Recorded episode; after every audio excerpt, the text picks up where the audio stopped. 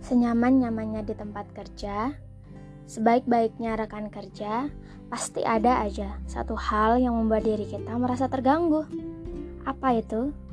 Mungkin ada atasan yang terlalu berlebihan dalam memberi tugas. Mungkin ada salah satu rekan kerja yang membuat kau tidak nyaman. Mungkin ada nilai upah yang tidak sebanding dengan banyaknya pekerjaan.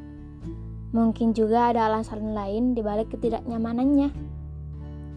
Namun, ada beberapa hal yang perlu kamu ingat, yakni Allah menghantarkan kau ke tempat itu bukan semata-mata hanya untuk memberimu pekerjaan.